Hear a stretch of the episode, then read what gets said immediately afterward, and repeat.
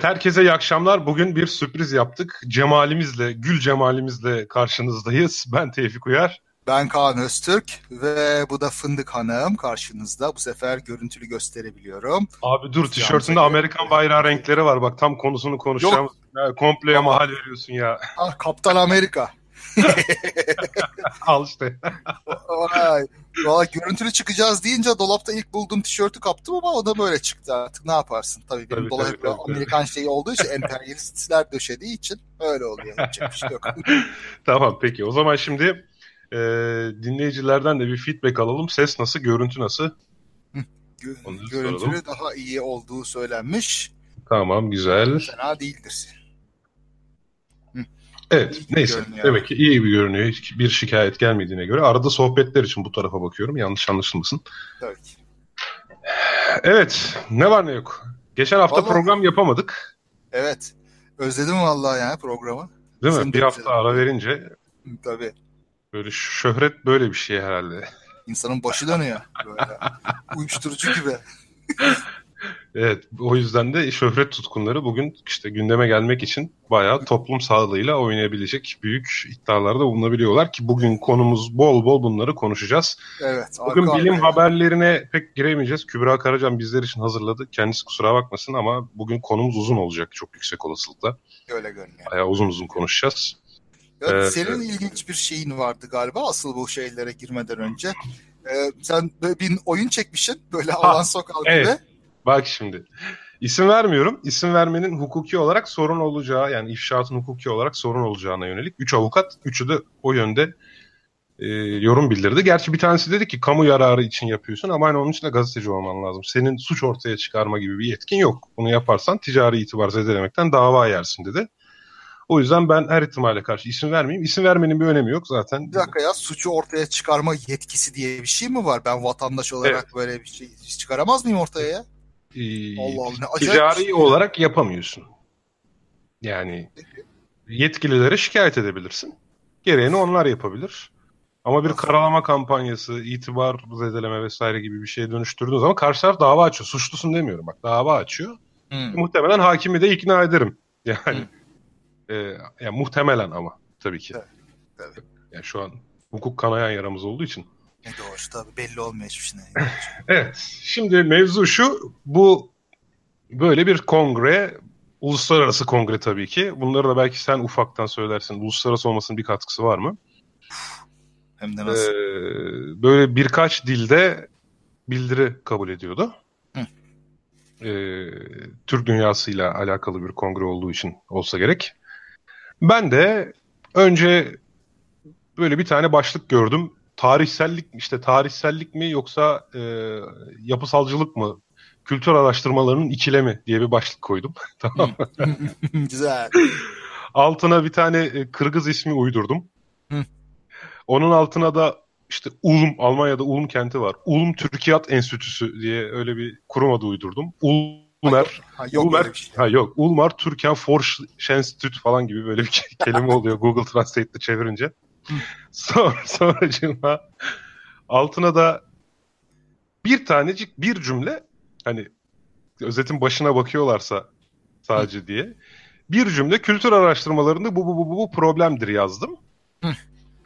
Devamında kongrenin kendi bildiri metnini yazdım abi. Kendi bildiri çağrı metni oluyor ya kongrelerin. Araştırmacıları aramızda görmek istiyoruz. Şu şu şu konularda araştırmacılar falan filan. Böyle bayağı bildiğin reklam metni. Ayrıca işte bildirileriniz şu kitapta yayınlanacaktır, bu dergide yayınlanacaktır falan. Onu aldım, Google Translate'te çevirdim Kırgızca'ya. Onu koydum birinci paragraf. İkinci paragrafa da Carl Sagan'ın soluk mavi noktasını koydum. Tamam mı? İşte şu evet. noktaya tekrar bakın. Orası evimiz, o biziz falan diye. Tamam mı? Ondan sonra bunu aşağıda işte anahtar kelimeleri yazdım bir tane Al- Almanya'dan şey buldum. E, kamuya ait telefon diyeyim. Yani bu fake SMS göndermek için telefonlar oluyor. Bir tane de Alman telefonu koydum öyle. Bakalım hani arayıp teyit ediyorlar mı diye. Ondan sonra bunu gönderdim. Böyle yaklaşık 15 dakika içinde gecenin 11 olmasına rağmen işte selam hocam birilerinizi aldık en kısa zamanda inceleyip döneceğiz diye bir yanıt geldi. Gecenin 11.30'unda falan. Muhtemelen otomatik yanıt. Hı hı. Ondan sonra ertesi gün de yani 24 saat bile geçmeden bana bildirimin e, sunuma değer bulunduğu, hakemler tarafından incelendiği ve sunuma değer bulunduğu bir kabul mektubuyla, imzalı, taranmış bir kabul mektubuyla gönderildi. Hı hı. Yani parayı yatırırsam gidip sunabiliyorum şu an soluk mavi nokta ve kongrenin kendi çağrı metnini yani. Vallahi çok trajik bir şey ama doğrusunu istersen şaşırdığımı söyleyemeyeceğim. Yani geçmiş yıllarda ben de bunlar hakkında epeyce yazıyordum blogumda falan. İntihal olsun, işte dergi yolsuzlukları, yayın kartelleri falan epeyce bir bakmışlığım var böyle şeylere. Bunlar maalesef çok tipik şeyler. Sadece konferanslarda değil ki konferans ya konferans düzenlemek Türkiye'de çok güzel bir şey. Yani çok ballı bir iş alanı. Mesela meşhur Vaset konferansları vardır. Bunu daha önce başka arkadaşlar bayağı bir e, şey yapmıştı, ipliğini pazara çıkartmıştı. Bunlar mesela e, bir otelde diyelim 20 değişik paralel oturum falan düzenlerler. işte değişik alanlarda. Bir bakarsın böyle hiç kimseler yoktur o salonlarda. incin top oynar. Yani ama insanlar buraya bildiriler gönderir. Parasını verirler, kabul edilir. Ondan sonra bildiri kitabında yayınlanır. Bu insanlara yayın olarak geri döner. Yani bir alan razı veren razı olayı var ama ortalıkta bilimsel toplantı, fikir teatisi bilmem ne falan hiçbir şey yok. Yani dışarı okunan hiçbir şey yok. Yayınlar da böyle senin gönderdiğinden belki birazcık hallicedir. O, o, o kadar başka bir şeyleri yok. Ya ne oluyor işte ondan sonra tabii şeyse işini bilen birisi ise bunu düzenleyen kafalıyorsa iyi bir yayın yayından da çıkartabilir bu şeyleri, bildirileri. Elsevier olur, Springer olur yani buralarda böyle yayın çıkartmak o kadar da zor bir şey değil gerçekten. O kadar çok yayınlıyorlar ki böyle herhalde belli otomatik kuralları var. Paralı maralı bir şeyler. Onu yapıyorsun ondan sonra yayını diyorsun. Aa ne oldu işte Springer'den kitabım çıktı oluyor. Oradan yayınım çıktı oluyor. Ondan sonra tabii uluslararası e, konferans olunca ona göre de teşvik ikramiyesi alıyorsun. Teşvik ikramiyesi demeyelim işte ödül gibi bir şey. Yayın ödülü alıyorsun. Ödenek gibi bir şey yani. E, ödül. Ödenek değil de ödül. Yani ödenek deyince proje yazıp onun için para almak gibi bir şey yanlıştır genelde. Burada yayını yapıyorsun.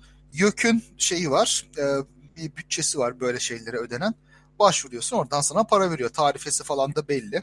Bayağı da ayrıntılı algoritmaları var. İşte şu A sınıfı, B sınıfı, C sınıfı dergiler oluyor. İşte sunumlar içinde, konferanslar içinde herhalde benzer bir şeyleri vardır e, daha düşük olmakla beraber sürümden kazanma mümkün oluyor. Bir sürü böyle konferansa Abi konferans mi? tamam. Yani. Şimdi konferans yani konferans düzenleyen açısından düşünüyorum. İşte katılım ücreti konaklama hariç 400 lira. Hı. Yani 1000 kişi katılsa 400 bin TL. Gider de yok konaklama hariç olduğu için. Sen katılım e, katılımı düşünme çünkü genelde katılmaya gitmiyorlar veya en fazla gezip tozmaya gidiyorlardır. Yani Yok orada... zaten giden de onun parasını ödüyor. Yani zaten bin kişi buraya bildiri gönderse 400 bin lira adamın buradan karı var yani inanılmaz. Aynen öyle. Açıklamamamın bir nedeni de bu yani. Topuğuma sıkabilecek kudret ve kuvvette olabilirler yani. Aa, o kadar değil ya merak etme o kadar. Kendilerini ifşa etmezler de. Abi ben artık maalesef işte hukuk, hukuk kanayan yaramız ya. Öyle söyleyeyim. E, tabii, tabii. Bu arada Ezgi Altınışık bence aramızda para toplayalım. Katıl konferansa dava açılırsa bedava savunacak avukat çıkar. Para cezası olursa da kampanya yaparız demiş. Valla avukatımız varsa sağ olsun Kadir ama böyle her tarafa da bir şey yaparsak hangi birimize yetişeceğini şaşırır tabii. O evet evet şimdi bir de şey yeni bir cephe daha açmayalım. Bir sürü cephede bir şeylerle mücadele etmeye çalışıyoruz. Ama bir dahaki sefere belki daha şey olurum bu konuda. Atak olurum. Vallahi zaten genelde akademi büyük bir çürüyüş ve yozlaşma içindeyken bunlar biraz daha tali şeyler olarak kalıyor. Yani kayırmalar, ondan sonra yolsuzluklar bilmem nelerle artık üniversiteler dolmuş durumda. Şey var ya rektör 29. sıradaki oğlunu almış şeyi. Ya ya yani inanılmaz bir şey. İnanılmaz bir şey. Bak çok kişinin başına geldi. Hatta yani Kübran da başına geldi. Kendisi e, belki açıklamak istemez bilmiyorum ama e-mail'la diyor ki şunları şunları şunları taranmışını gönderin diyor. Telefon evet. açıyorsun eğlenmişsin. Niye eğlendim? Asıllarını göndermediniz diye. Heh al işte. Al. Yani hiçbir yerde asılların gönderilmesi gerektiği yazmıyor. Tabii. Tabii. Bu, bu korkunç bir şey ya. Bu tuzak kurmak işte. Biz böyle evet. yapalım, idare ediyormuş gibi görünelim. Ondan sonra da elemek için bahane bulmuş oluruz diyor. Tabii tabii tabii. Pek çok insana da yok damganızda tarih yoktu, yok mührün altında imza yoktu falan filan gibi bahanelerle eliyorlar. Halbuki ya çok ilginç bak. Sonuçta yurt dışına da başvuruyorsun. Sen de daha önce başvurdun. Hı hı. Yani mührün altında imza yoksa adam sana mail atıyor. Bu mührün altında imza yok. Bunun imzalısını temin edebilir misin diye. Tabii. Aynen öyle. Kolaylık sağlıyor. Veya son son gün oluyor diyorsun ki ya ben işte vize işte evraklarımı anca gönderdim bilmem nereye. Ee, hani yetiş yetişmeyecek son tarih falan. Tamam siz iki hafta iki hafta size daha ek süre verelim falan diyorlar yani. Tabii canım yani iyi niyetle olduğu zaman böyle oluyor. Yani bazen bir şeyler eksik kalıyor tamam sonra getirirsiniz deniyor. İyi niyet meselesi bu yani. Yokuşa Aynen öyle. istemeyenler için. Aynen öyle. Ya işte diyorlar ya bir toplumun yürümesindeki en önemli şey güven duygusu. Yani ne kadar hukuk kuralları olsa da güven olmadan olmuyor. İşte bu toplumun da biraz çöküyor olmasının sebebi bu. Güven kalktı ortadan. İnsanlar Evet. kazıklama derdinde. Abi namus. Evet. Bak, namus, olmuyor. namus. bitince her şey bitiyor. Evet ya insanda şeref olacak yani. Tamam mı? Bizim ülkemizdeki en temel problemlerden bir tanesi tamam mı? İnsanların uyanıklığı şereften üstün tutması. Evet. Çok ciddi bir problem bu ya. Yani gerçekten her her noktada tamam mı? Ya evde şu kalorifere yaptırıyorum. Adam benden 130 lira musluk şey işte bir kalorimetresi var başında. Hı hı. 130 TL diyor abi bunun orijinali. Tamam diyorum orijinal taktırayım ben. Bana getiriyor bir tane çıkma parça. İyi de diyorum bak bu kirli bu kullanılmış. Abi önce bir bunu deneyelim olmazsa ben sıfır takacağım. Allah Allah. İyi tamam peki. Az sonra o olmuyor. Gidip orijinal değil de başka yan bir marka takıyor. E hani 130 liranın şey? Ay abi bu da 130 lira. Yürü lan. Hmm. Oo. Ha. Yani Tabii. utanmaz ya. Bu adam benimle aynı sitede yaşıyor ve sitenin tesisatçısı. Yarın gene yüzüme bakacak. Hiç umurunda değil yani. Ya çok komik. Aşağıda berber vardı. Ber, berber normalde ben hep 20 liraya saçımı kestiriyordum. Hı. En son gittim içerisi böyle pis tamam mı? Dedim ne oldu temizlik bile yapmamışsın falan. Abi kapatıyoruz dükkanı. Yarın son gün zaten. Aa. İyi dedim neyse. Yani hadi orasını geçtim. Kapatıyor. Bir daha beni görmeyecek ya 40 lira aldı. Oha. Nasılsa görmeyecek beni. Yani işte nasılsa görmeyecek anlatabiliyor muyum? Yani şeref şeref. Bak şeref problemi bunlar hep. Hakikaten yani. Çok fena bu ya. Vallahi çok fena yani. Yani Ne yapacağız bilmiyorum. Oy oy. neyse tabii akademi akademiye Vallahi- berber ve tesisatçı örneği pek gitmedi ama hiç Vallahi tabii hepimizde Genel kültür bu olunca yani ister Tabii. akademide olsun ister orada ister burada her yer. Yani insanların şerefli olma, ilkeli olma, namuslu olmak gibi kaygıları olmayınca abi her şey oluyor. Öyle öyle. Ya gerçekten yani üst seviyelerde bile yani hadi zanaatkarlarda falan var öyle çakallıklar dersin de üst seviyelerde de aynı zihniyet yerleşti. Çünkü işte 15-20 yıldan beri e, hileyle hurdayla ben devleti ele geçireyim vesaire diyen kadrolar yerleşti. Onları destekleyenler yerleşti. Böyle böyle oldu. Yani çok fena bir kültür yerleşti. Liyakatten ziyade Hah. kendi grubunu Evet. destekleyen kayranlar iyice yerleşti. Şimdi abi işin garibi şey rasyonel. Hı. Üçkağıtçı davranmak rasyonel. E, bir yere kadar. Yani Şimdi şey, şu anlamda diyorum. Adam oyun, oyun teorisi onda bir yere yani kadar Ah, tabii bir yere kadar da adam o kadar uzun vadeli düşünmüyor. Kısa vadeli düşünüyor. Daha önce ekolojik rasyonelite sunumumda da anlatmıştım. Ne kadar rasyonel olduğun bilgi düzeyinle alakalı bir mevzu. Evet. Yani bir çocuk yıldızlara erişmek istiyorsa ve bunun için ağaca çıkıyorsa onun için rasyonel bir hareket. Hı. Ama NASA yıldızlara erişmek istiyorsa uzun uzun kavaklar dikip onun üzerine tırmandırıyorsa astronotları buna güleriz. yani anladın mı? yani. Yani kendi içindeki yani ras, rasyonelliğin tanımı aslında kişinin sahip olduğu bilgi düzeyiyle alakalı. Yani kişinin de kapasitesiyle alakalı. O kişi kısa vadeli düşündüğü için ve onun zeka düzeyinde o rasyonel olanı yapıyor. Hı hı. Yani 10 sene uğraşarak çabalayacağı bir şey yapmak yerine şerefsizlik yaptığı zaman aynı faydayı bir ayda elde ediyorsa onu yapıyor. Ya ondan çok emin değil ama biraz yetiştirme ya. Yani fazla bilgisi olmayan ama işini çok namuslu yapmaya çalışan insanlar da çok görüyoruz. Yok o anlamda demiyorum ben. Yok namus varsa zaten o bilgi düzeyinden bağımsız. Yani insan ilkeli Hı. olmaya çabalıyorsa. O başka bir şey. Ben uyanıkların kendilerini akıllı zannetmesi meselesinden bahsediyorum aslında işte. Ha. E yani Dunning-Kruger geliyoruz yani bir yerde burada. Bir anlamda. Ya şimdi adam trafikte emniyet şehrinden gittiği zaman lan lan ben akıllıyım bunlar keriz onlar sıraya girsin falan diye düşünüyor herhalde yani. E yani valla biraz da öyle tabii. Ceza görmeyince biraz da onun yaptığı akıllılık oluyor Ha, tabii. tabii cezasızlık da bu arada tabii çok büyük bir teşvik. Neyse bunlar çok başka konular. Evet. Evet. Oturup çay yerine rakı içmek lazım bunları konuşurken. Hakikaten. Ya şimdi canlı yayında ben sigara da içemem değil mi? Çocuklara kötü örnek olur. ya olmaz ayıp. şey yapayım taktik şöyle arada. Aa kamera bozuldu falan. Görüntüsüz yapalım o zaman oğlum o kadar dayanamıyorsan. İçme şu zıkkımı içme bak. Aa. Tamam tamam. Neyse şimdi mevzumuza gelelim hocam. Tamam gelelim valla. Şimdi yani çok, çok nereden girmek istersin? Sen mi girersin? Ben mi gireyim? Sen böyle... Kargil çalışanı sensin sen gir.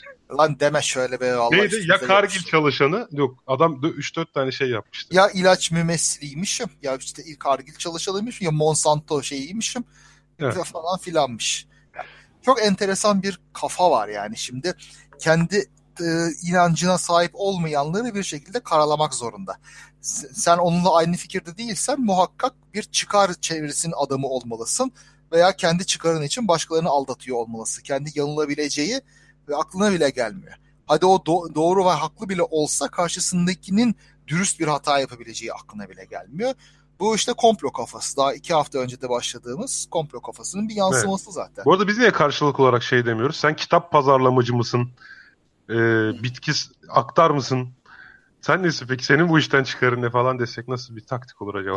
Vallahi yani değil. Zaten ne bileyim yani onlar diyorlar sana da mesela demiyorlar mı kitap satmak için astrolojiyi karalıyorsun diye. Demek Tabii, ki geçerli yok. bir şey. Demek ki biz de yapabiliriz. Yani, evet, evet. Muhakkak mesela Soner Yalçın'ın kitabından kazandığı para senin kazandığından kat kat fazladır. Tabii canım. Allah. Ben astroloji kitabını iki baskı yapabildim. Adamlar her, her sene 2018 aşk hayatı, 2019 aşk hayatı falan diye şey yapıyor. Ben oh, yani. 2018 bilimsel bakışı, 2019 bilimsel bakışı yazamam ki. Valla aslında şey yapsana böyle 2018 güncellemesi falan yapıp hala bir değişiklik yok. Diye. Astrolojinin 2018'deki bilimle imtihanı, astrolojinin 2019'daki bilim. Yıldızınız size 2018'de ne söylemiyor falan diyor öyle şey. ya neyse işte konuya dönersek şimdi kaçırmış olanlar varsa ve arşivden dinleyecek olanlar. Geçen hafta malum Soner Yalçın yani son zamanların yeni sahte bilim savunucusu Canan Karatay'la beraber baya bir öne çıktı son haftalarda. Aşılar bebeklerin ölümüne sebep oluyor gibisinden inanılmaz densiz bir laf etti. Yani onun üzerine bir şey koptu. Bebekleri öldürüyorlar dedi değil mi? Evet aşılarla bebekleri öldürüyorlar. Yani Ondan yani bu inanılmaz sorumsuz bir laf. Artık bu kadar şeyi ben bilgisizliğe, hataya, işte iyi niyeti biraz fazla kaçırmaya falan yoramıyorum. Gerçekten bir kötü niyet var bunun içinde. Umursamadan böyle kendi çıkarı için kendini öne çıkarmak olsun, kitap satmak olsun, şöhretini arttırmak olsun, saçma sapan şeyleri yaymak. Bu korkunç bir şey. Korkunç bir davranış. Ya insanın bunu kasten yapabileceğini aklım almıyor. Yani sadece bu bir backfire efektle, boomerang efektle hani ilk başta böyle çok bu bilgisinden emin olmasa bile zamanla işte insanlar da karşı çıktıkça muhtemelen sadece Wakefield ve taraftarlarının yazdıklarını okuyarak gittikçe kendini bu konuda daha özgüvenini arttırıp yani herhalde öyledir diye düşünüyorum. Kimsenin kasten benim kitaplarım satsın da çoluk çocuk ölüyorsa bana ne falan diyeceğini sanmıyorum yani.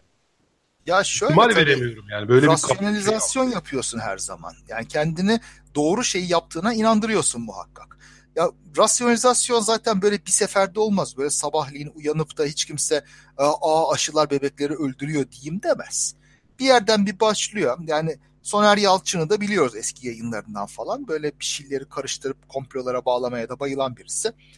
E şimdi bir de bilimsel bir e, şeyi background'u bilmem nesi yok. Yani gazeteci iyi kötü gazeteci bilemem. Pek takip ettiğim yoktu. Ama yani iyi gazeteci ise bile yaptığı şey böyle bir şeyleri kurcalayıp gizli bir şeyleri ortaya çıkarmak diye özetlenebilir. Şimdi bir şeyleri böyle bulmaya başlayınca ve insanlar bunu gizlidir bakın siz öğreniyorsunuz diye sattıkça o da kendisini bayağı da böyle büyük bir araştırmacı olarak görmeye başlayıp aa ben kimsenin bulmadığı bilimsel şeyleri buluyorum deyip Oradan yavaş yavaş ilerlemiş ve bu hale gelmiştir muhakkak. Yok Her biraz biraz da ulusalcılık damarıyla alakalı olabilir biraz. Şimdi hani sonuç itibariyle dikkat edersen bütün bu tezleri biraz da batılılar bizim bize yapıyor gibi bir çerçeveye oturtuyor sanki. Hı. O da var tabii o da var. Yani... Bunların hepsi işte yani sorsan muhakkak işte halkın iyiliğini düşünüyorum falan gibi ama orada çok dar bakıştan bir sığ bir bakıştan ve kendisini de çok öne çıkarıp kahraman kompleksine sokarak. Evet. Ben de bugün kendi kendime şunu düşündüm. Hatta bunu az sonra konuşacağız muhtemelen. Evet tamam aşılarda tekelleşme veya herhangi bir konuda tekelleşme kötüdür. Tamam mı? Tek kişinin kontrolüne geçiyor bir şeyler. Evet eğer biz aşılara gerçekten çok büyük miktarda paralar ödüyorsak bizim Sağlık Bakanlığı yani şey Sosyal Sigortalar Fonu'ndan olsun veya Sağlık Bakanlığı bütçesinden tamam bu da eleştirilebilir. Bunların eleştirilmesi, yetkililerin bu konuda harekete geçirilmesi hani bu aşılar için bir alternatif geliştirmek ya da daha ucuz alternatiflerini bulmak ya da hani anlatabiliyor muyum? Yerli ve milli aşı olması diyelim buna tamam mı? Hı. Bunları teşvik etmek için illa ki bunun bebekleri öldürdüğünü vesaireyi falan iddia etmek gerekmiyor ki zaten. Tabii ki gerekmiyor. Şimdi bu şeyleri, bu yalanları ortaya koydukça takip edenlerin bir kısmı yani daha edepli olanlar diyeyim çünkü bayağı edepsizleri var. Diyorlar ki bu bir şekilde ortaya konuyor hiç olmazsa bunu yapıyor. Yani böyle yalanlarla da olsa bunu ortaya dökmesi, konuşulur hale getirmesi iyi diyorlar. O çok Şimdi garip ben- bir kafa ya. Yani Ben buna çok karşıyım. Şimdi bir şeyi korku yaratarak e, anlatamazsın. Bir şey bir problem varsa şimdi birazdan ona geliriz. Şimdi bu sağlık sektöründeki problemler olsun, işte gıda sektöründeki problemler olsun. Bunlar gerçek şeyler. Bunlar gerçekten tartışılması gereken, toplumu da tehdit eden problemler bunlar. evet gıda güvenliği çok önemli. İki hafta önce de az program Ama- içinde biraz değinmiştik. Ama Evet. gerçek bir probleme dikkat çekmek ve onu çözmek için korku ve panik yaratmanın hiçbir zaman bir faydası olmaz. Çünkü panikleyen insanlar doğru iş yapmazlar. Korkuyla olabilecek en irrasyonel işi yaparlar. Korku irrasyonelliğe götürür. Yani şey gibi bir e, korkutulmuş bir sürünün güzelce bir yere gitmesini beklemek kadar abes bir şey bu. O yüzden yani şey diyelim buzlu bir yolda giden bir otobüs şoförü düşünelim. Böyle her taraf kar buz. O şoförün dikkatli olması lazım. Şimdi o otobüsün içindeki bütün yolcular ay öleceğiz çok fena olacağız her taraf uçurum kayarsak bittik mahvolduk diye bağırdığını düşün. Şoföre aman aman çok dikkat et ay öleceğiz kayacağız diye bağırdığını düşün. Panik içinde olsunlar. Bu o şoförün daha iyi araba kullanmasını sağlayacak bir şey mi olur? Kesinlikle hayır. Panik, korku hiçbir zaman çözüm değildir. Hiçbir Yani şey. tabii analojiye burada karşı çıkabileceğim bazı noktalar olabilir. Hani Yani size şey diyelim yani demek istediğim şu. İnsanlar korktukları zaman e, ilkel duygularıyla bir şeye sığınmaya çalışırlar. Probleme akıllıca, soğukkanlı bir çözüm bulmaya çalışmazlar. Evet, daha önce Şimdi- de programda konuşmuştuk. Korktuğunuz zaman olumsuz verileri dikkate alıyor beyin. Olumlu verileri dikkate almıyor. Evet. Yani korktuğunuz zaman eğer bir şeyden korkuyorsanız korkunuzu arttıracak olan bilgilere itibar ediyorsunuz. Beyin böyle çalışıyor. Aynen öyle. Dolayısıyla Şimdi- bu da paniğin büyümesine neden oluyor. Yani. Bu, bu çok fena bir şey. Korku korkuyu doğurur. Korku akıllıca çözümü getirmez. Şimdi bizim çözüm bulmak için her zaman olayı tam böyle karşı karşıya yüz yüze görmemiz, bütün veçelerini inceleyebilmemiz, bir şey var mı yok mu anlamamız lazım. Bu gıda ile ilgili böyle, GDO ile ilgili de böyle, mısır şurubu olsun, işte ilaçlar olsun bunların hepsi için böyle. Nedir ne değildir tam olarak anlamak lazım. Anlamazsak işte bu ne bileyim pire için yorgan yakar hale geliriz. Daha da doğrusu böyle İngilizce'de bir laf vardır. E, banyo suyuyla beraber bebeği dışarı atma durumuna düşeriz. Yani amacın amacına amacına karşı geliriz işin. Evet bir de sen bir tweette yazmıştın. O hoşuma gitmişti. Yani ilk çağ insanları gibi bilmediği Hı. şeyden korkan Tabii. Şey, Yani işte bir de o var. öğrenmemiz Bilimsel- gerekiyor. Bilmediğimiz bir şeye doğrudan karşı çıkmak değil. Yani öğrenmemiz gerekiyor evvela. bilim okur yazarlığı olmayınca orada e, aman işte aşılar şöyle yapıyor böyle yapıyor falan diye de korkarsın ne olduğunu bilmeden. Yok işte aşıda civa diye de varmış diye korkarsın kimya nedir bilmiyorsan. Bilim okur yazarlığı en önemli şey. Yani o olmadan hiçbir şey olmaz. Demokrasinin temeli diye de söylüyorlar zaten. Bir yani bilimsel olgulardan haberdar olunmadıkça demokrasi işlemez. İşte işlemiyor da gördüğün gibi. Şimdi Amerika'da da mesela Trump döneminde de görüyoruz. Olsun be. Olsun be. Ha, bizim Allah'ımız var değil mi? Yani ya Allah Allah. Neyse. Yani e, o yüzden her şeyi bir yerli yerine koymak lazım. Ama mesela bakıyorsun bu tartışmacılara yani savunanlara diyelim. Soner Yalçın'ın, Canan Karatay'ın artık onu bir şey onları bir şekilde şeyh benimsemiş insanlara her şeyi bir araya e, koyuyorlar. Buyur. Ben ciddi ciddi şöyle bir çalışma yapmayı düşünüyorum ama nasıl bir şey toplar bilmiyorum. Bu ateist hesaplara inananlar tarafından verilen cevaplarla bize Canan Karatay fanları veya işte Soner Yalçın fanları tarafından verilen cevaplar arasında ciddi paralellikler var. Hmm. Hmm. Evet. Bu çok Ha. ilginç bak. Yani din, dinleşmiş, dini bir şeye dönüşmüş gibi hani şeyhleşmiş olmalarının bir Hı. göstergesi aslında. Çok güzel bir göstergesi. Güzel yakaladın ya. Biraz buna bakabiliriz aslında. Buna beraber bakalım istiyorsan birlikte. Tamam tabii. İlginç yani bir bayağı- karşılaştırma olabilir yani. Yani gerçekten de e, mesela e, dindarların ateistlere demesi gibi peki bu evreni kim yarattı o zaman madem inanmıyoruz? Şimdi bu alakasız bir şey. İşte red herring. ilgisiz şeyle cevap verme. Şimdi mesela Soner Yalçın bu e, akıl almaz derecedeki ölçüsüz lafına bir şey dediğinde itiraz ettiğinde yani şey gıda sektörleri e, şey bize bilmem ne şurubu içirmiyor mu yani? Ne alakası var? Ya da zamanda süt tozu yedirmediler mi? Hah. Tamam yani zamanda yedirmiş olabilirler. Doğrudur. Ya e İşte bunlar çok alakasız şeyler. Burada bir sürü şeyi sıralayıp doğruyla yanlışı karıştırıp harmanlayıp doğruların yanlışları e, geçerli kılmasını bekleme gibi bir durum var. Yok öyle bir şey. Yani şimdi birisi hele Soner Yalçın veya Canan Karatay gibi bile isteye açıkça belli yani e, yanlış şeyler söylüyorsa o zaman onun diğer söylediklerine de inanılamaz. Yani Canan Karatay'a da bakarsan tıp eğitimi almış birisinin onun işte tuz hakkında, başka şeyler hakkında söylediği şeyleri söylemesi mümkün değil. Demek ki bilerek yanlış söylüyor. Ona inanmak mümkün değil o zaman. Şey içinde Soner Yalçın'ın bazı söyledikleri içinde geçerli. Çarpıttığı şeyler gibi. ya işte hala oraya benim aklım ermiyor yani. Şimdi e, öncelikle şunu anlamaya çalışıyorum. Bunu pek çok açıdan biliyoruz. Deneylerle vesaire de ortaya konmuş durumda. Genelde görüşlerimizi bilgiler oluşturmuyor. Bir görüşe sahip olup bilgiyi ona göre modifiye ediyoruz ya da seçerek buluyoruz, arayarak buluyoruz falan biliyorsun. Hı hı. Şimdi öyle enteresan diyaloglar yaşadın ki hem sen hem ben Twitter'da. Evet. Hani örnek veriyorum ben bir şey diyorum. Sen tıp hekimi misin ki diyor. Hı. Bak diyorum sana tıp hekiminin görüşü O satılmış. Ya o satılmış ya da bu kez iyi de bu konuda işte tartışmalı. Sen nasıl emin olabiliyorsun? Ben diyorum ki her tartışmalı %99'u hekimlerin böyle düşünüyor. Hadi diyorum bak tamam senin hekimi benim hekimimi dövsün. Önemli değil. Bak diyorum bir buçuk milyon kişiyle yapılmış bir araştırma. Al diyorum bak sana burada 380 bin kişiyle yapılmış bir araştırma. Al bak burada da 560 bin kişiyle yapılmış bir araştırma. E diyorum bak araştırılmış ve bulunmamış. İşte insanlar yazmaya cesaret edemiyor, bilmiyor musun? Aa, Yani şimdi o zaman tartışmak anlamsız değil mi? Zaten ben sana hani gözünün önünde aşının otizm yapmadığını göstersem de sen ona bir kulp bulup hani en nihayetinde şeye gelecek. Hani Katoliklere dünyanın 6000 yaşında olmadığı ile ilgili kanıtlar gösterdiğin zaman Tanrı zaten siz yanılın diye onları koyuyor diyor ya. Evet. Ya aynısı. Bu sefer de tanrılaştırdıkları bir güç var. Bu küresel güçler zaten siz işte böyle söyleyin diye bunları oluşturuyor zaten diyor. Evet. Bir türlü yani ya- e, ya- hatalı çıkmaları mümkün değil hiçbir şekilde. Dinle olan benzerliğini görüyor musun? Tabii. Tabii Bak. tabii tabii. Bir tarafta hani tan işte iyi de bu dinozor fosillerine falan diyorlar Katoli- Kat- Katolikleri. İşte onlar imtihan. Tabii. Onları Tanrı Tabii. koydu sen böyle düşün diye. Yani seni sen sınan diye. İşte aynısı.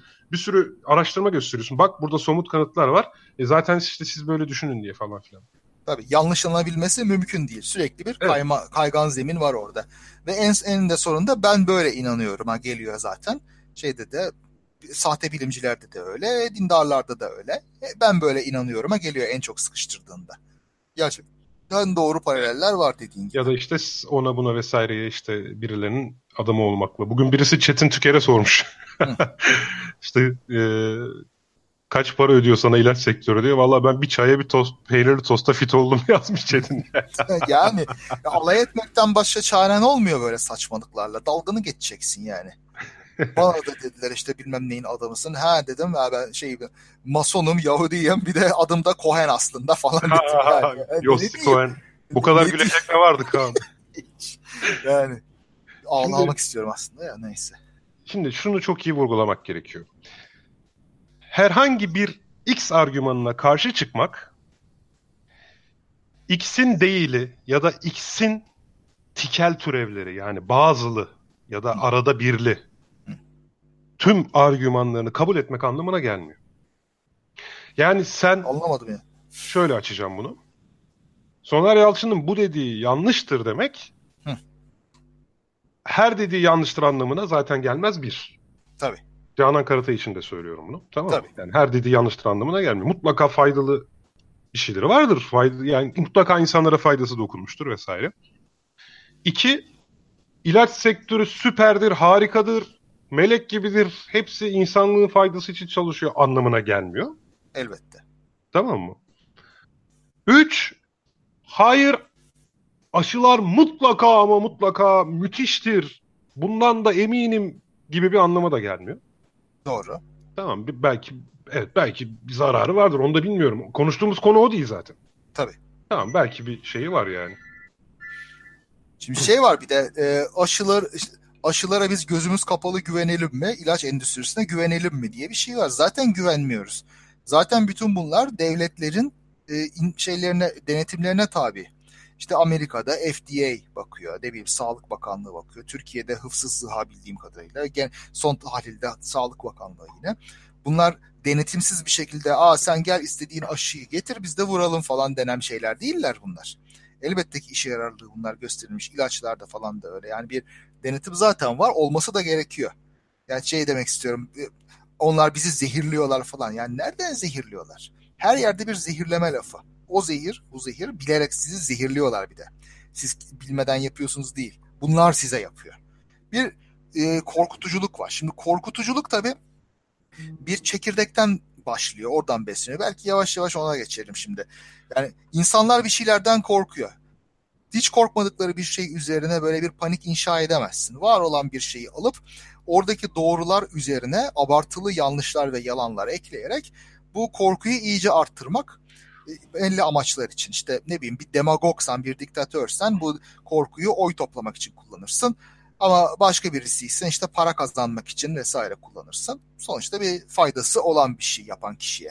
Tabii topluma zararı çok büyük.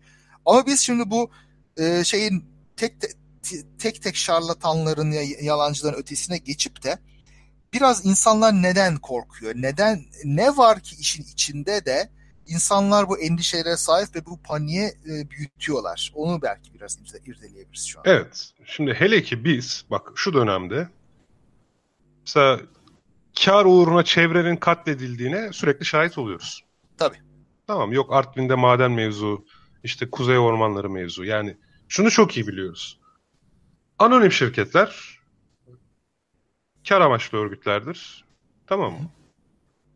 Sosyal bir fayda gözetmek gibi bir yükümlülükleri de yok mevcut düzen içerisinde. Yani bu kapitalist düzen içerisinde. Şunu da Evet. biliyoruz. Dünyanın her yerinde petrol var. çıkarmak için, o için, bu için. Yani talan da ediliyor. İşte Endonezya'da insanlar bir dolara çok kötü şartlarda çalıştırılıyor. Anlatabiliyor muyum? Veya işte endüstriyel hayvancılığı görüyoruz. Tavukları küçücük yerlere tıkıyorlar. Hareket bile edemiyor bu tavuklar. Doğru. Bir yandan duyuyoruz Rusya'dan bizim gönderdiğimiz tavuk etleri aşırı antibiyo- antibiyotikli diye geri gönderilmiş. Ya da gönderdiğimiz tarım gıdaları pestisit sın- sınırlarını aştığı için geri gönderilmiş. Ben pazardan alışveriş yapmıyorum, korkuyorum denetim yok diye. Çünkü belki hayvan gibi böcek ilacı yiyoruz, bilmiyorum ki. Hmm. Yani adam e, ürünü böceklenmesin diye basıyor belki limitlerin dışında. Hmm. Ya bir laboratuvar kontrolünden geçmiyor, etmiyor, hale geliyor, halden çıkıyor, pazara geliyor falan filan. Şimdi bilmiyorum yani. Öte yandan bunun için de süpermarketlere güvenmek zorunda kalıyorum. Hani en azından bir ürün tahlil ediyorlar falan filan diye. O da ayrı mesele. Hmm. Yani demek istediğim evet sürekli olarak bir e, kar maksadıyla halkın isteklerinin mesela şimdi Eskişehir'de termik santral konusu var. Öyle değil mi? Hı hı. Birileri termik santral yapacak. İşte HES'ler mevzunu biliyoruz. Karadeniz'deki pek çok akarsuyun tamam mı? Yani doğa şu bir sürü chat raporuna rağmen ona rağmen buna rağmen işte Anadolu grubu işte Efes biralarının sahibi. Yani işte bir anonim şirket. Ucunda halkın ya da memleketin faydası vesaire falan filan değil. Önünde sonunda yıl sonunda deftere yazacağı kârı düşünerek hareket ediyor. Şimdi Aynen. böyle bir ortamda ilaç olsun, aşı olsun, gıda olsun, işte şeker olsun, tuz olsun, X olsun, Y olsun hiç önemli değil. Tamam mı? Elbette insanlar hep bir şey kaygısıyla. Bak daha baştan konuştuk. Bir tesisatçı çağırdığımda bile kandırılmaktan korkuyorum. Evet. Ben nasıl olup da mecburen yaptırdığım bir aşıda ya da işte tükettiğim bir gıdada kandırılmış olmaktan ya da zarar görmüş olmaktan korkmayayım. Bu çok normal. Herkes korkabilir. Hı hı. Ama şimdi herkesin korkuyor olması ya da hani genellikle anonim şirketlerin böyle davranıyor olması bu konularda üretilen herhangi bir argümanın da zorunlu olarak doğru olması anlamına gelmez. Tabii. Aynen öyle. Her bir argüman tek tek ele alınmalı. Hani o tartışmalarda birine sormuştum. Ya kardeşim birinin her söylediği doğru değildir. Birinin her söylediği de yanlış değildir. Niye bu kadar kolay karar veriyorsunuz? Gel hepsini tek tek değerlendirelim. Yani niye böyle yapmıyorsunuz yani? O tabii zor. O biraz kafa çalıştırmayı gerektiriyor. Oysa birisine güvenip böyle onun her dediğini kabul etmek çok daha kolay. Ya mesela bu çok lanetlenen ilaç endüstrisine gelelim. Onda evet gerçekten pek çok pislikler var. Yani e, şu anda fazla böyle bir ayrıntı verecek durumda değilim ama yani şeyle fazla hazırlamanın doğrusu ama Ben Goldacre'ın e, çok güzel bu konuda çalışmaları var. Zaten Bad Pharma isimli çok güzel bir kitabı vardır. Bayağı da inceler. Yani şey, şeylerin ilaç endüstrisinin hataları, kötülükleri yani kar amaçlı olarak yaptığı kötü şeyler, zincir e, dizginlenmesi gereken şeyler ki Ben Goldacre'da bayağı şeydir, iyi skeptiklerdendir. Bayağı şeyler, sahte bilimcilerden tepki çeken biridir. Çok da güzel TED konuşmaları vardır bu arada. Evet, dinleyicilerimize bu, bu tavsiye ederim. Konuda da bir TED konuşması var. Onu da dinlemenizi tavsiye ederim. Şimdi e, yani ilaç endüstrisi masum değil gerçekten de. Orada bir bir kere e, bir ilacı üretmek zaten aşırı masraflı bir şey. O yüzden de bu çok büyük bir business. Çok büyük e, kar paralar, çok büyük paralar dönen bir yer. Çok büyük paralar dönen yerde hırs da tabii çok büyük oluyor. O yüzden de bu ilaçları mümkün olduğunca yüksek paraya satmaya çalışıyorlar. Avrupa'da çok fazla bunu yapamıyorlar. Amerika'da daha ziyade bu yüksek fiyatlar olabiliyor. Amerikalıların suyunu çıkarıyorlar o kesin. Yani zavallı Amerikalılar diyeyim. Çünkü gerçekten gariban bir millet. Hastaları vesaireleri Kanada'ya falan gidiyorlar. Orada eğer sınıra yakınlarsa ilaç almak için. Kanada'da daha ucuz çünkü. Şeyde Amerika'da işte sigorta şirketlerinden alırız nasılsa diye bu ilaç fiyatları aşırı yüksek oluyor. Herkesin de sigortası olmadığı için durum çok fena. Neyse şeye dönersek konuya tamam e, ilaç şirketleri kar için çalışıyor. Ama herkes kar için çalışmıyor. Mesela bunları denetleyen devlet kurumları falan onlar kar için çalışmıyor. Ama onda tabii komple teorisyenleri ne diyor? Bu devletler de işte bizim soyumuzu kırmaya çalışıyor gibi bir akıl. Ya, soy var. kırma tabii çok komplovari oluyor da yolsuzluk sonuçta varlığını inkar edemeyeceği bir şey muhakkak, şey. Yani. Muhakkak. Ama işi biraz daha da büyütüp böyle doktorlar işte ilaç şirketleri bizi gezmeye götürsün falan diye bize hep bir sürü ilaçlar yazıyorlar falan deniyor. Şimdi bu abartının çok ileri götürülmüş artık yani. Sonuçta tamam bazı doktorlar yapar. Belki birçok doktor da yapar ama bütün doktorların bunu sistematik bir şekilde yapması mümkün değil. Yani e, senin zararına olacak bir ilaç yazma işini sırf kendisi böyle biraz eşantiyon alsın tatillere götürülsün diye yapması mümkün değil bir doktorun. Ya şimdi abi insanların yüzde onunun namussuzluk potansiyeli olduğunu düşünürsek bu doktor içinde, mühendis içinde, tesisatçı içinde, siyasetçi içinde gerçi biraz orada yüksek olabilir oran da. Yani şey yani bunu yüzde onu sabit kabul edersek evet yani hatta irrasyonelde işte Stuart Sutherland çok güzel söyler. Yani dok tıpla ilgili bir bölüm anlatır doktor hataları ile ilgili. Sonra der ki doktorlar senden ya da benden daha irrasyonel değiller. Ama onların hatalarının sonuçları daha dramatik olduğu için bu kitabın konusu. evet. Yoksa onlar da senin benim kadar irrasyoneller. Sadece ben irrasyonellik yaptığım zaman musluğu açık unutuyorum. Adam içeride makas unutuyor falan yani. Neyse şeye dönersek şimdi ilaç şirketleri evet kar amaçlı çalışıyor. Bu ama bunların da tabii bir şeyi var. Bir e, kontrol mekanizmaları var. Denetim kurumları var. Devletin olsun, başka yerlerin olsun e, tamam devletin tabii ki yolsuzluğa batması mümkün ama o zaman zaten ülkede çöküyor demektir. Orada da çok yapacak bir şey yok. Sen e, bir devlet yolsuzluğa battıysa ve bunları kontrol edemiyorsa aşılar bebekleri öldürüyor yaygarası kopartmakla bunu değiştiremezsin. Sadece dikkati dağıtırsın, insanları paniğe kaptırıp doğru yere kanalize olmalarını engellersin sadece. O yüzden mesela bu problemlere böyle dümdüz bakmak gerekiyor. Evet ben de bak onu soracaktım. Belki araya giriyorum ama Hı. tam şekere bu kadar laf ediyor Canan Karatay da. He. Madem bu kadar elinde kamuoyu gücün var sallıyorum. İşte Kargil ile ilgili bazı söylentiler var yok. Şeker Hı. fabrikalarını onlar alacak falan. Ya bir isim ver. E yani. Bak kamuoyu Tabii. gücün var. Sağlık Bakanlığı'na seslen ya da Gıda Bakanlığı'na seslen. İnsanları korkutma da. Tabii tabii. Şimdi, yani. Mesela e, bugün bir hareket çok... başlat affedersin. Yani hani bir Tabii. hani bir artık gelir elde etmeyeceği için böyle bir şey yapmak istemiyor bilmiyorum. Dernek kur dernek de hareket et o zaman. Madem bu kadar Bu olayda dava insanısın. Tabii. Yani e, şey var. Bir, biraz tabii böyle şeyler baş ağrıtıcı şeyler. Herkesin girmek isteyeceği şeyler değil. Hele böyle ne bileyim bir viziteye 1500-2000 lira alırken ve bir buçuk iki yıllığına senin bütün randevuların doluyken böyle şeye zaman harcamak istemezsin muhtemelen. Nasılsa işler tıkırında diye. Şimdi şeker ciddi problem aslında. Şimdi orada Canan Karatay'ın e, doğru söylediği ve bütün tıp camiasının da aynen söylediği şey burada var zaten. Şeker yemek zararlı. Fazla yediğimiz zaman bu bize çok dokunuyor. Yani benim de kurbanı olduğum bu obezite salgını içinde bu şekerin çok fazla bulunabilmesinin rolü çok fazla. Abi olur mu ya? Tığ gibi adamsın sen de. Eyvallah sağ ol. Güzellik bakanın gözündedir. Eyvallah. Ee, şey diyeyim ha. Şimdi bir de e, fruktoz yani mısır şekeri dedikleri, nişasta bazlı şeker dedikleri şey de öyle. Yani ben o mevzuyu anlamıyorum. Bak Avrupa Birliği'nde bir kota getirildi. Evet. Henüz o kota %50'lerde çıkarıldı falan. Yani o nişasta bazlı şekerin farkı ne? Var mı bilgin? Ee, az var. Yani ayrıntısını verebilecek ehliyette değilim. Belki bir diyetisyen veya iç hastalık uzmanıyla konuşursak o anlatır ama özünde şu. Fruktoz bu. Yani glu- glukozu bizim vücudumuz gayet güzel işliyor. Bütün hücrelerimiz glukozla çalışıyor. Bu şekerin bir biçimi. Bir tanesi ama karaciğerde metabolize oluyor anladığım kadarıyla. Benim ah, okuduğum evet. kadarıyla. Şimdi e, bir, normalde besinlerden aldığımız şekerlerde mesela iki glukoz olabiliyor. Bir glukoz bir fruktoz olabiliyor. Bu bir molekülünde ikisi birden mevcut oluyor ve bunlar parçalanıyor. Polisakkaritler. E, disakarit bunlar. İki şey. Yani iki şekerli. Dediğimizde mesela nişasta olabiliyor. O polisakarit olarak. Şimdi e, bizim vücudumuz glikozu çok iyi kullanıyor. Beynimiz vesaire bütün hücrelerimiz. Ama fruktozu pek kullanmıyor vücudumuz. Ona göre bir evrim oluşmamış. Çünkü zaten doğada fruktoza çok rastlamıyoruz. Ara sıra meyveden alıyoruz. O meyvelerin içinde de yani bizim e, ıslah ettiklerimiz haricinde çok fazla bir şeker de yok doğada yetişenlerde. O yüzden evrimsel olarak bu konuda pek bir şey geliştirmiş gibi görünmüyoruz.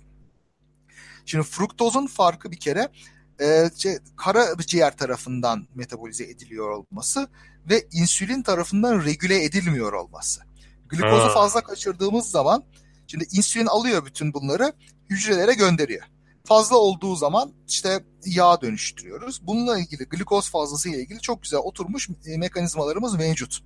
Fruktozla ilgili bir şey yok. Fruktozu sadece karaciğer alıp işliyor ve başka şeylere dönüştürüyor.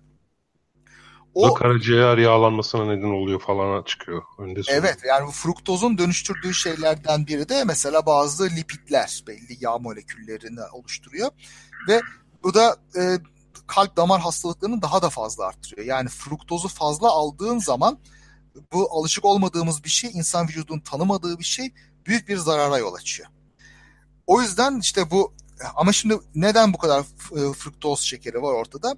Bu biraz Amerika'nın işte da, şeyi numarası diyelim. Yani Amerika'nın oyunları deniyor ya. Oyun demeyeceğim ama ticari dayatması diyebilirim. Amerika'nın müthiş bir mısır üretimi fazlası var. Ve bu mısır üretimini ne yapalım biz fazlasını derken bunu nişastaya çevirmeyi düşünüyorlar. Ondan sonra nişastadan da yüksek fruktozlu mısır şurubu denen bir şeker tipini üretiyorlar. Nişastayı kimyasal bir tepkimeye maruz bıraktırıp yapıyorlar bunu. Şimdi bunun güzel tarafı bayağı tatlı bir şey çıkıyor ortaya. Bildiğimiz şekerden çok daha tatlı. Tatlılara katıyorsun, bisküvilere katıyorsun, şuna buna katıyorsun. E, tabii şey oluyor bir de. Amerika'da bir süre yaşayan herkes bilir. Oradaki şeyler ilk gittiğinde buraya göre çok tatlı gelir sana. Her şeyde şeker bulursun. Ekmekte bile yani bir tatlılık vardır. Her şeye şeker katarlar çünkü. Çünkü damak tadı alışmış biraz şeker oldukça daha çok istiyor. Daha çok istiyor. O biraz artıyor. O zaman da sattırıyor. Böyle böyle bir obezite salgını orada bu şekilde oluşuyor. Fruktozun da burada bir etkisiyle mısırın orada fazla tüketilmesi sonucunda. Ha, şimdi bu şeker fabrikalarına gelirsek şey diyorlar bu şeker fabrikalarını satın alanlar uluslararası işte gıda endüstrisi kartelleri bunlar şeker fabrikalarını kapatıp on ellerindeki mısır şurubunu satma derdindeler deniyor. Olmayacak şey değil diyorum ben de. Yani bir teyitim yok tabii. Olmayabilir tabii. Böyle bu bir e, paranoya, bir komploda olabilir ama bu e, bir kaygı olabilir. olabilir. Yani elimizde hiçbir veri yok. Peki Heh. ne olabilir? Risk nedir? Risk budur diyebiliriz. Biraz öyle. Evet. Yani e, biz şeker pancarında üretilen işte glukoz, sukroz e, şekerine biraz alışığız. Onu kullanıyoruz sukrozu. Ve vücudumuz da bunu metabolize edebiliyor sorunsuz. Evet. Tabii. Yani evet. haliyle bunu da fazla almak evet sağlığa çok zararlı yine. Her türlü şekeri azaltmak lazım. Ama fruktozun zararı glukozdan biraz daha fazla. Dediğim gibi bu metabolik süreçlerde pek kontrol edilmediği için ve yan işlem olarak da yağlanmaya da yol açtığı için böyle bir sorunları oluyor. Ee, o yüzden bu kaçınılması gereken bir şey gerçekten. Normal yediğimiz birkaç günlük 4-5 el, meyveden bir şey olmuyor tabii. Onu vücudumuz hallediyor. Hiç baş edemez bir şey değil. Fazla olduğu zaman böyle her şeye katıldığı zaman büyük sorun. Şimdi mesela şeye baklavalara bilmem nelere falan da katılıyor ya. O yüzden de bu büyük sorun olma, oluşturmaya gebe. Canım o yüzden işte e, bunlar da tabii. Şimdi gıda endüstrisi de kar amaçlı çalıştığı için bu adam sana yedirmeye çalışıyor. Şimdi o bir gerçek. Ama bu sadece yok bu Kargiller, Monsanto'lar, Monsanto sayılmaz da işte e, büyük şirketler değil, küçükler de öyle. Tamam Abi şuraya lokanta açsan sen de yedirmeye çalışırsın. Şimdi bu şey mantığı bu zaten. Yani anladın mı? Alım satım, mal, kapitalizm yani işletme, şirket, büyüme, kar yani böyle bir şey zaten. Şimdi Biz burada... de bu programı dinletmeye çalışıyoruz yani hani. Eh ama bizimkisi sağlığa faydalı. Ha o ayrı. Ee, şey de var ama şimdi bu yiyecek üreticileri küçük küçüklü olsun büyüklü olsun genellikle böyle sağlıksız şeyleri de biraz satma derdinde oluyorlar. Şimdi neye ulaşmak daha kolay? Sebzeye mi, bisküviye mi? Yani bariz unlu ürünler, şekerli ürünler, yağlı şeyler bunları hemen buluyorsun. Diğerlerini bulmak kolay değil. Birkaç ay önce bir deney yapmıştım kendi kendime. Şöyle bir ay kadar hiç ekmek hamur işi falan yemeden nasıl durabilir miyim falan diye. Durdum yani sorun olmadı da şöyle bir dert oldu. Böyle dışarıda gezerken sokakta karnım acıktığında yiyecek bir şey bulmakta biraz zorlanıyordum.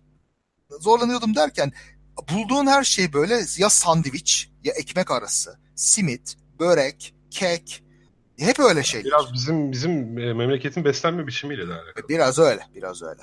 Yani bu biraz kendini de geliş besleyen bir şey. Sürekli o şekilde oluyor. Bu da tabii bireysel dükkancıların, lokantacıların değiştirebileceği bir şey de olmuyor. Bu biraz toplumsal değişim. Biraz da devletin zorlamasıyla da ittirmesiyle de olması gereken bir şey. Abi yani, bu Avrasya yani çift sıralı buğdayın imal şeyinden beri, keşfinden beri diyeyim. Biraz 5000 yıllık bir kültür hamur işi yani. Ya hamur işi öyle de her tarafta mesela şimdi ya geçmişi bırakalım şimdi sokakta gezerken bu kadar bolluk içindeyiz. Pek çok şey var. Ama mesela ben geçerken bir tezgahtan bir elma alamıyorum. Öyle bir düzen yok. Öyle bir dükkan ha, yok. Tamam evet o konuda evet haklısın. Yani, yani en sıkıştığım zaman ne bileyim bir paket fıstık alıyordum. Bir paket badem alıyordum. Onunla karnımı doyurayım, bastırayım diye. Ya o da işte insanın karnını bile doyurmaz dediğin alışkanlıklar yüzünden. Heh. Doymuş hissetmiyorsun kendini. Ben hani tarihte 4 kere rejim yapıp 10 kilo vermiş bir insan olarak söylüyorum her birinde ortalama. İşte yani, alışma meselesi. İlk 20 gün insan çok zorlanıyor. 21. gün artık gerçekten ekmeği falan aramıyorsun yani herkesten duyduğumda bu. Ee, ama evet ya öyle işte, durumlarda ben eve mecburen gidip süpermarketten eve bir şeyler doldurmak zorunda kalıyorum. Gün ortasında dışarıda acıkmaya kalkarsan yiyecek şey bulamazsın. Evet. Yani hep böyle sağlıksız şeyleri buluyorsun. Bir de sağlıklı beslenmek biraz da pahalıya mal oluyor. Bir de o gerçek var. Ben sebzeli mebzeli güzel bir yemek yiyeyim bir esnaf lokantasında desen 15-20 liraya ancak çıkıyorsun. Ama e, bir midemi bastırayım falan dediğinde bir buçuk liraya simit alıyorsun mesela. Evet. Yani, evet. Evet, yani evet. Kötü besin ucuz. İyi besin daha pahalı. Bu da bir sorun çok. Bir, ciddi bir halk sağlığı sorunu. Ki bu Amerika'da da bize örnek olması gereken bir şey. Amerika'da mesela e, fakir yerlerde bayağı obezlik yaygındır. Ve Amerika'da besin çölü denen muhitler vardır. Bu besin çölü denen yerde insanların böyle taze sebzeye meyveye falan ulaşımı biraz zordur. Bunlar süpermarkette falan bile pek bulamazlar. Biraz da pahalıdır. Adam böyle bir de fakirse zaten akşam eve ne götürecek? İşte çocuğuna ekmek alıyor ekmek arası bir şeyler yapıyor. Sağlıksız şeyler yedirmek zorunda kalıyor. Çünkü hem ya o kızartmalar ucuz, falan filan. Mesela. En kolay. Ucuz, ha, ucuz ve kolay. Ucuz ve kolay şeyin bir yandan da sağlıklı olmasını sağlamak zorundayız. Bütün bu Ama tartışmalar. Nasıl? Yani. Ha işte orada işte ne bileyim moda yaratmak olur, teşvik olur. Yani bakıyorsun her tarafta ne bileyim bir boşnak börekçisi açılmış. Yanında işte İskender kebapçısı açılmış. Onun yerine ne bileyim bir meyve tezgahı olur. Ya da başka bir şey olur. Lokanta olur. İşte... Şimdi ciddi bir sorunsal da var ama. O da şu. Şimdi şeker kıymetlidir vücut için.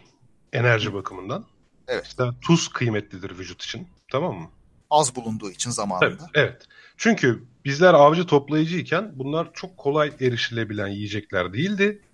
Doğada çok daha az bulunuyorlardı. Çok daha az bulundukları için ve çok da gereksinim duyduğumuz için biz bunlardan lezzet ve tad almak üzere evrildik.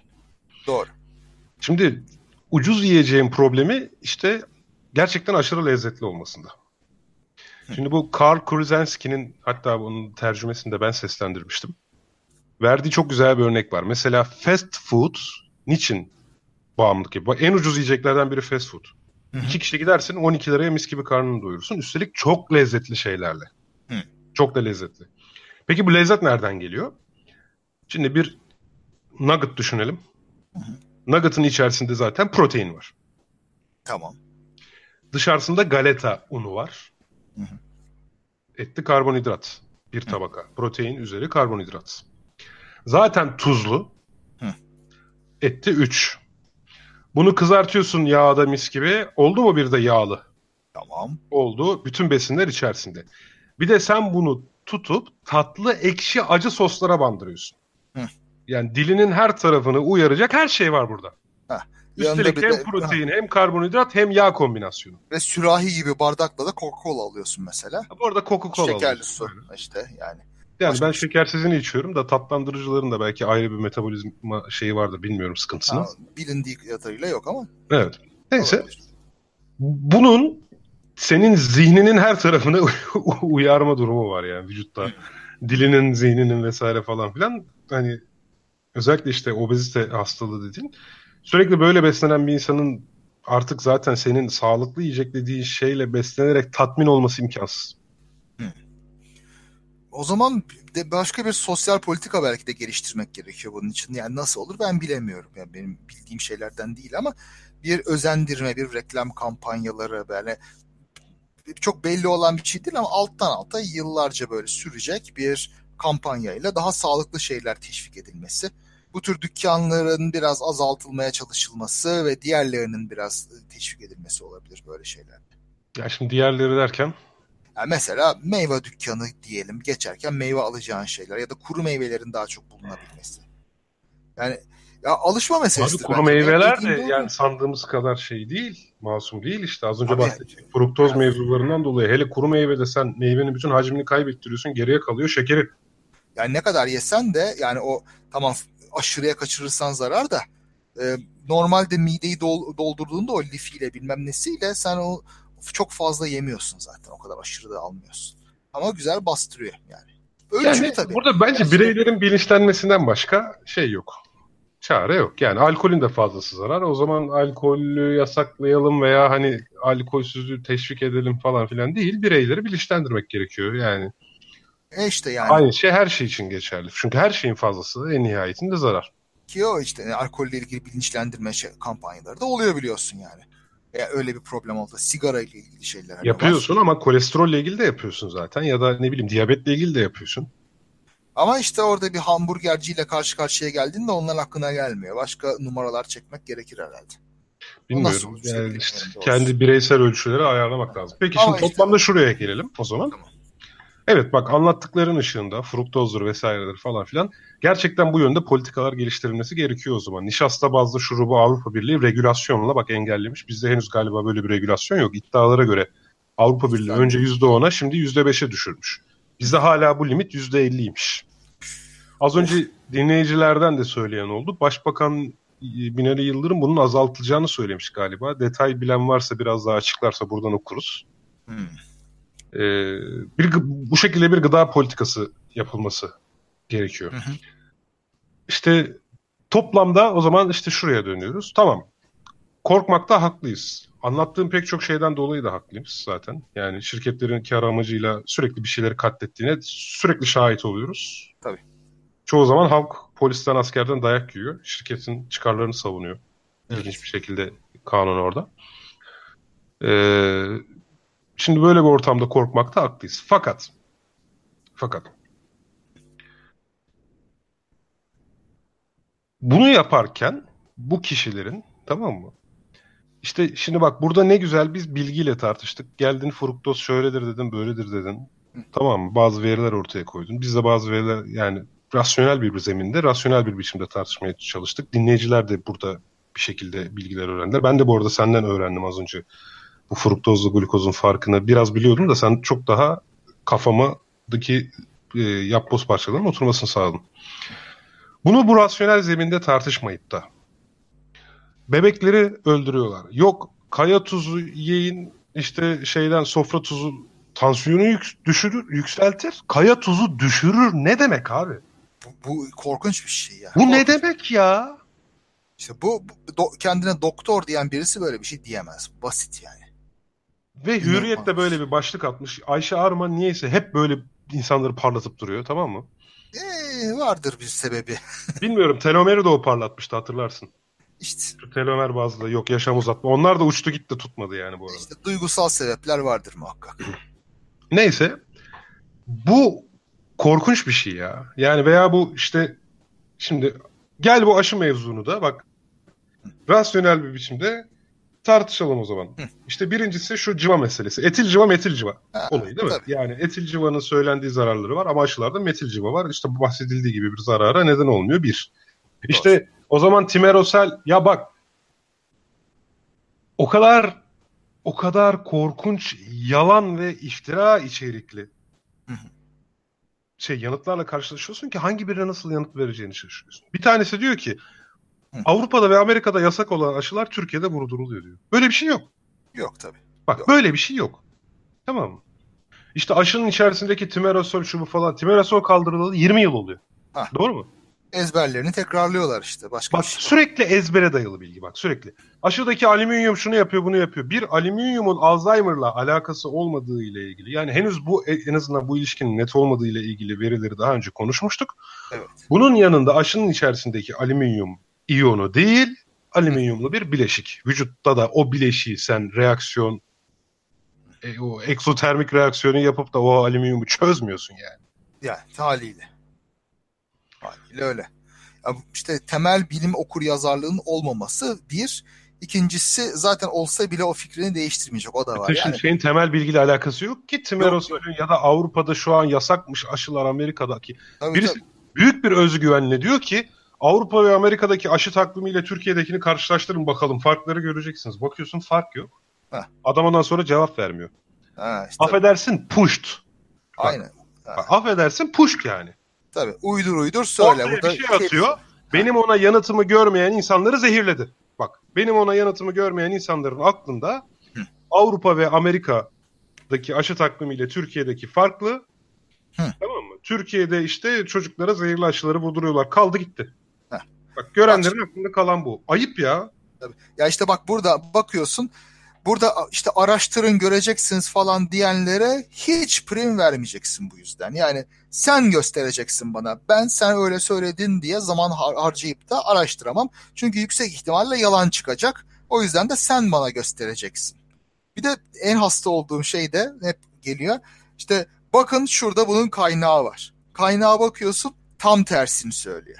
Ha. Tam tersine. Ondan sonra bir daha bakın orada da hiç öyle bir şey yok. Tamamen alakasız bir şey.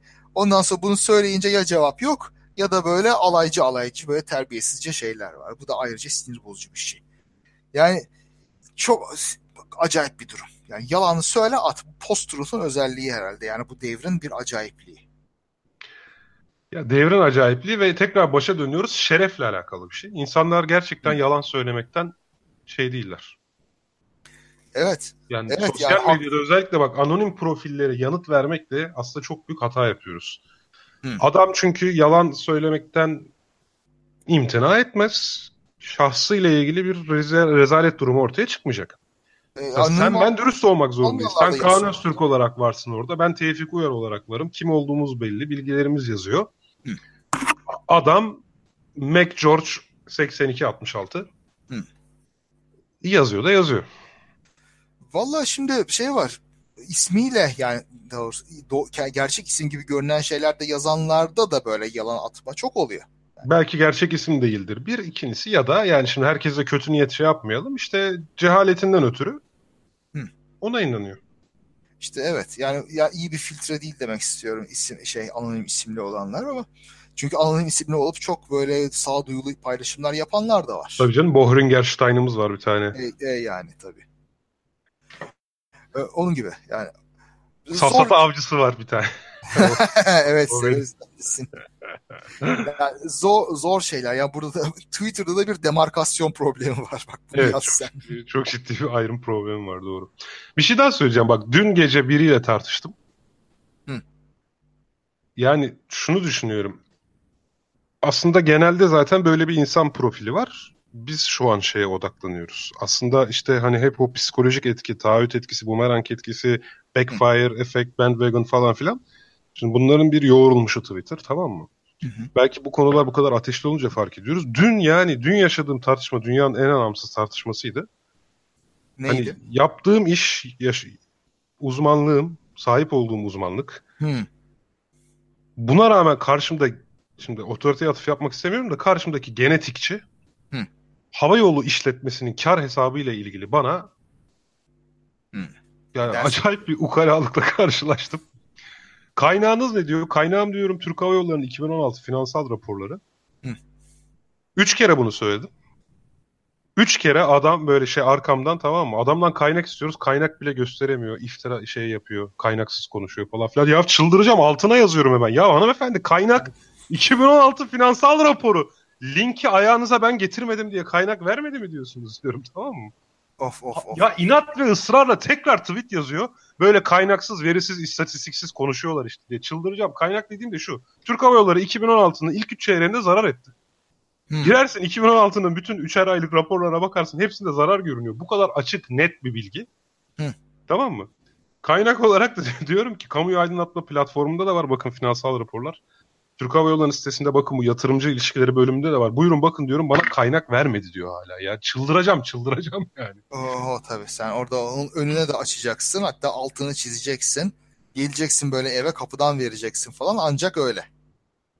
Çok enteresan. Benim de bir ara tartıştığım birisi bana internet linkleri verme falan demişti. Verdiğim internet linki de PubMed'den makale ha. Böyle bilimsel makale linki veriyorum. İnternet linki verme bana demişti. Doktor ya ne yapacakmışsın? Adresine şey mi gönderecek Ha ben de öyle dedim. Ne yapayım? Fotoğrafını çekeyim vereyim sana yani. Eline mi getireyim dedim. Zor bir de yani. Çok enteresan. Bak Çağlar Tüfekçi anonim profiller zaten sizi trollemeye çalışıyor diyor. Hepsi Olabilir değil. böyle arada arada bir iki tane vardır ama hepsi değil. Evet evet. Bazısı özellikle yapıyor. Gökçe Coşkun bu insanlar neden bunu yapıyor? Neden gerçeğe inanmak istemiyorlar? Ya işte bu çok komik. Aslında bakarsanız hangi gerçekle ilk kez karşılaştığınız ondan sonra neyi savunacağınızı belirleyebiliyor. Bu işler bazen rastgele oluyor ya. ya bir de şey var işte. Çok komik ama. E, bir nasıl diyeyim? Kendini ayrı görmek, azınlıkta görmek, başkasının göremediğini gördüğünü düşünmek falan bunlar çok güçlü şeyler. Sen işte bu düz dünyacılardan bahsettik ya işte onlar gibi bunlar da biraz işte aşılar herkesi zehirliyor bunu siz bilmiyorsunuz siz salaksınız ben biliyorum falan dendiğinde bu adam kendisini çok büyük birisi olarak görmek istiyor. Böyle olmadığını söyleyene de direniyor tabii ki. İşte sen koyunsun, sen satılmışsın, sen safsın falan oluyor. Bir tahminim bu. İşte bir tahminim tabii senin dediğin gibi e, inanmış bir kere ondan vazgeçemiyor ama vazgeçememesi için biraz da kendi, onun bir yatırım yapmış olması lazım. Manevi bir yatırım gerekli. Yani hepsinde de öyle bir şey yok. Sadece duymuş herhalde ne bileyim tartışmaya başlayınca tartışmanın bir de kolaylıkla kutuplara savrulması durumu var. Ondan da kaynaklanıyor gibi geliyor bana.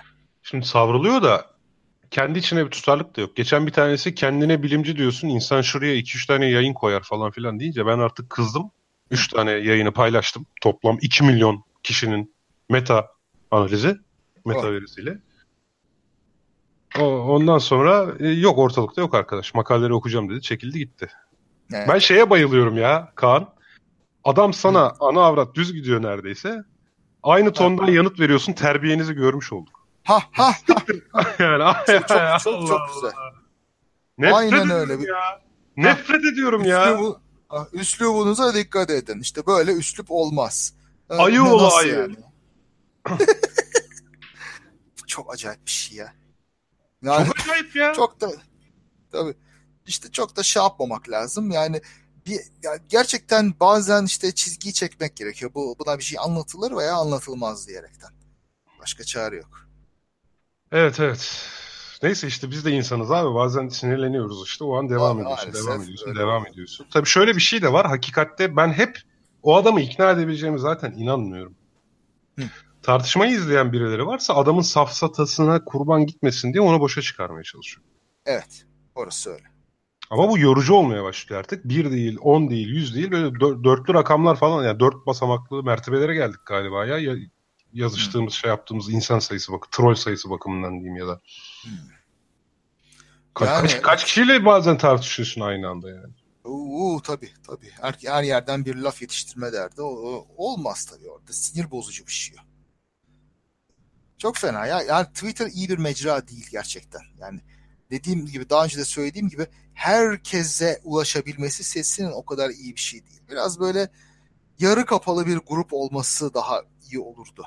Yani biraz böyle e, sokakta konuşur gibi yani tamam sokaktasın açıktasın ama yakınındakilerle konuşuyorsun. Ta meydanın öbür tarafından adam lafa karışmıyor. Ya Onun değil, bir mecra en iyisi. Öyle de işte o zaman da meydanı şeye bırakmış oluyorsun. Bu tür işte çıkarları uğruna mümkün olduğu kadar ortalığa bir şeyler yaymaya çalışan. Çünkü dediğin gibi bir ortamsa seni de az kişi görüyor demektir. O zaman hakikatleri nasıl yayacaksın? Ama onu da az kişi görüyor o durumda. Yani öyle bir şey var. Ha. E işte ama ne yapalım elimizdeki bu yani. Sonuçta bu olmasa Facebook var. Olmasa Instagram şu bu. Facebook yani leş canım zaten. Oo, leş, Facebook var ya. Yani. E işte ne yapalım artık olacak bir şekilde. Tavsiye mecra var mıdır demişlerdi. Tavsiye mecra yok. Ama şey ya birisi Discord açacaktı açık bilim için, muhabbet teorisi için. Hmm. Hala açmadı. Bize gelmedi o bağlantı. Discord ne acaba? Abi Discord işte bir platform hep anlatıyoruz hmm. da havada kalıyor. Ondan bir türlü gösteremedik sana. Hmm. Okey. Yani olur herhalde. Eh. Evet. Olay bu hocam. Evet. Eyvallah işte yine içimizi döktük ama işte özetle herhalde sapla samanı ayırt edebilmek, gerçekten problemin ne olduğunu teşhis edip ona göre sağduyuyla davranabilmek çok önemli. Yani böyle evet. yani, panik yaratıp ondan sonra hiç olmazsa problemlere dikkat çekiyor deyip işin içinden çıkmak diye bir şey yok.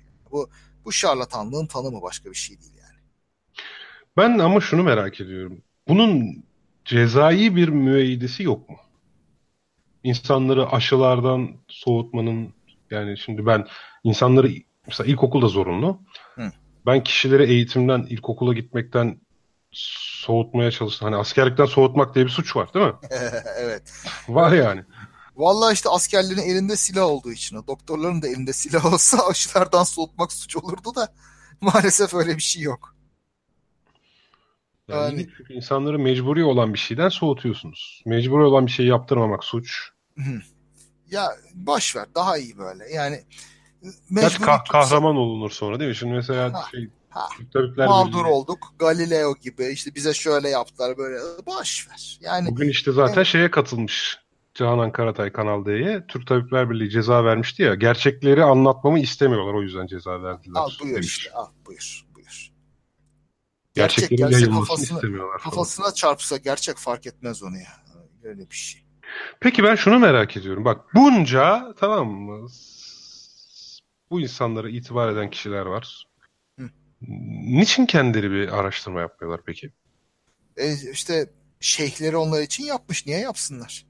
Şeyleri de ortaya bir araştırma koymuyor ki. Yani ben kaya tuzunun tansiyon düşürdüğünü göstermek çok zor olmasa gerek. Bir aylık bir kohort çalışması. Al 300 kişilik hatta örneklem de yeter tamam mı? E, bunu sen biliyorsun yani e, onu takip edenler bilmiyor. Bir de işte ilginç tarafı bunlar da genellikle yüksek eğitim almış insanlar oluyor tabii. Yani eğitimle bu eleştirel düşüncenin pek bir alakası yok. Hatta biraz düşüyor bile diyebilirim eğitimle. Hatta sana şöyle söyleyeyim. Bunun da bir örneği var. Hı. Bir, bir deneyde e, grupları iki farklı gruba aynı veri seti veriliyor. Bir tanesinde veri setinin bir kremin cilt kızarıklığı tedavisiyle alakalı olduğu söyleniyor. Hı. Aynı veri yani istatistiki olarak. Bir gruba ise silah kişisel silahlanma serbestisinin suçları düşürüp arttırdığı ile ilgili bir çalışma olduğu söyleniyor. Yani insanların hali hazırda ideolojik olarak Hı. ateşli bir savunucusu ya da karşıtı olduğu bir konu. Bir tanesi Hı. normal bir konu, kendileriyle alakalı değil. İki, iki, iki veri tamamen birbirinin aynısı olmasına rağmen. Aynı kişilere iki ayrı veri Aynı kişiler değil. iki grup ama yeteri kadar Ha. büyük gruplar bunlar. Tamam. Birinci gruptakiler, şimdi bu arada grup, grupların da bu teste girmeden önce sayısal becerileri ölçülüyor. Hı. Yani eğitimleri ve sayısal becerileri, istatistik problemleri olan çözümleri falan filan. Birinci grupta ortalama bir başarı gösteriyorlar insanlar doğruyu, doğru yanıtı bulmakta. İkinci grupta insanlar verileri ve hesaplamaları kendi görüşlerine göre çarpıtarak yanlış hesaplıyorlar. Hı. Ve bunu daha çok yapanlar daha istatistiki becerileri ve eğitimleri yüksek olanlar. Aa, al buyur. yani kılıf uyduruyor kendisine kolaylıkla. Yani yeteneği olduğu için. Öbürü yapamıyor. Aynen öyle. Yani eğitim arttıkça size Tabii. sunulan karşı argümanları rasyonalize etme beceriniz de artıyor. Aynen öyle. Tabii. Mesele o yani. Kendi ayağına sıkma bir şey. Valla çok kusurlu bir zihnimiz var bizim ya. Gerçekten çok kusurlu. Evet evet maalesef maalesef. Valla işte en Buna kötü durum. Tuhaf yani. Öyle. Ama Evet. işte kendi ayağımıza sıkıyoruz en sonunda. Yani başarımızın kurbanı oluyoruz gibi geliyor bazen bana. Bu obezite salgını mesela yiyecek üretmedeki başarımızın bir sonucu olarak kendi başımızı yememiz aslında. E bir yerde de bu ne bileyim fazla akıllı olmanın sonucunda safsatalara falan da bahane, ba- daha yatkın oluyoruz. O da bizim başımızı yiyecek herhalde. İlginç bir şey. Kimin aklına Neyse abi kendi başını yesin insanlık. Evet başka başları yiyeceğine böyle. Yok dünyaya çok bir şey olmaz ya. Bizi sırtından atar. Dünya yine devam eder. Çok bir şey olmaz. Valla umarım. Ya bir an önce bir şey yapalım. Robotlara falan bırakalım falan yanlısıyım ben biliyorsun zaten. İnsan ırkı olarak gidelim. Tamam. Biz yok olalım kalsın robotlar ya da dijital zihinler vesaire falan filan yani. Şimdi çok gerek yok bize yani görünen o ki. Öyle. Çok bir faydamız da yok kendimizden başka kimseye. Eyvallah. Neyse hocam ne diyelim. Evet. 1 saat 15 dakika geçmiş. evet. Dolu dolu konuştuk. Eh o zaman bize doyum olmaz diyelim. Mütevazılıkta Selda Bağcan gibi olalım. Tevazuda. Müthiş vallahi. Neyse. o zaman tüm dinleyicilerimize teşekkür ediyoruz. Ee, sonuna kadar bizleri dinlediler, katkıda bulundular. Çok çok konularımız yoğun olduğu için şeye bakamadık. Ee, sohbetlere bakamadık. Çok sağ olun, çok teşekkür ettik. Bugün görüntülü yaptık, sürpriz oldu. Sizler için de, bizler için de. Son dakika aldığımız bir karar oldu. Tabii. Evet, hepinize mutluluklar. Tolga Merimırık 18'inde görüşmek üzere demiş. Üçüncü kere söz veriyor geleceğim diye gelmiyor bu arada. Hadi bakalım. İkisinde gelmedi. Bu sefer gelmeyecek yani gene. Mevcut Umut bakarsak gelmeyecek. Ha, Umut Fakir'in ekmeği gelir belki bu sefer. Evet. Peki bakalım. Oldu. Evet, Evet, 18 herkese- Mart'ta da e, onu da söyleyelim. 18 Mart'ta stüdyo yayınımız ve Yalan Savar buluşmamız da var. Ona göre planınızı programınızı yaparsınız artık. Evet bu durumda haftaya canlı yapıyoruz. 18'inde Haftaya de salon yapıyoruz. Ha evet tamam. 20'sinde e, 20'sinde yapmıyoruz Yapmıyoruz, salon yaptığımız için. Evet. Oldu. Herkese iyi akşamlar. İyi akşamlar, iyi geceler, iyi uykular. Tarihi Osmanlı Mecmuası'nın 3. cüzünün 1912. sayfasına bakabilirler efendim.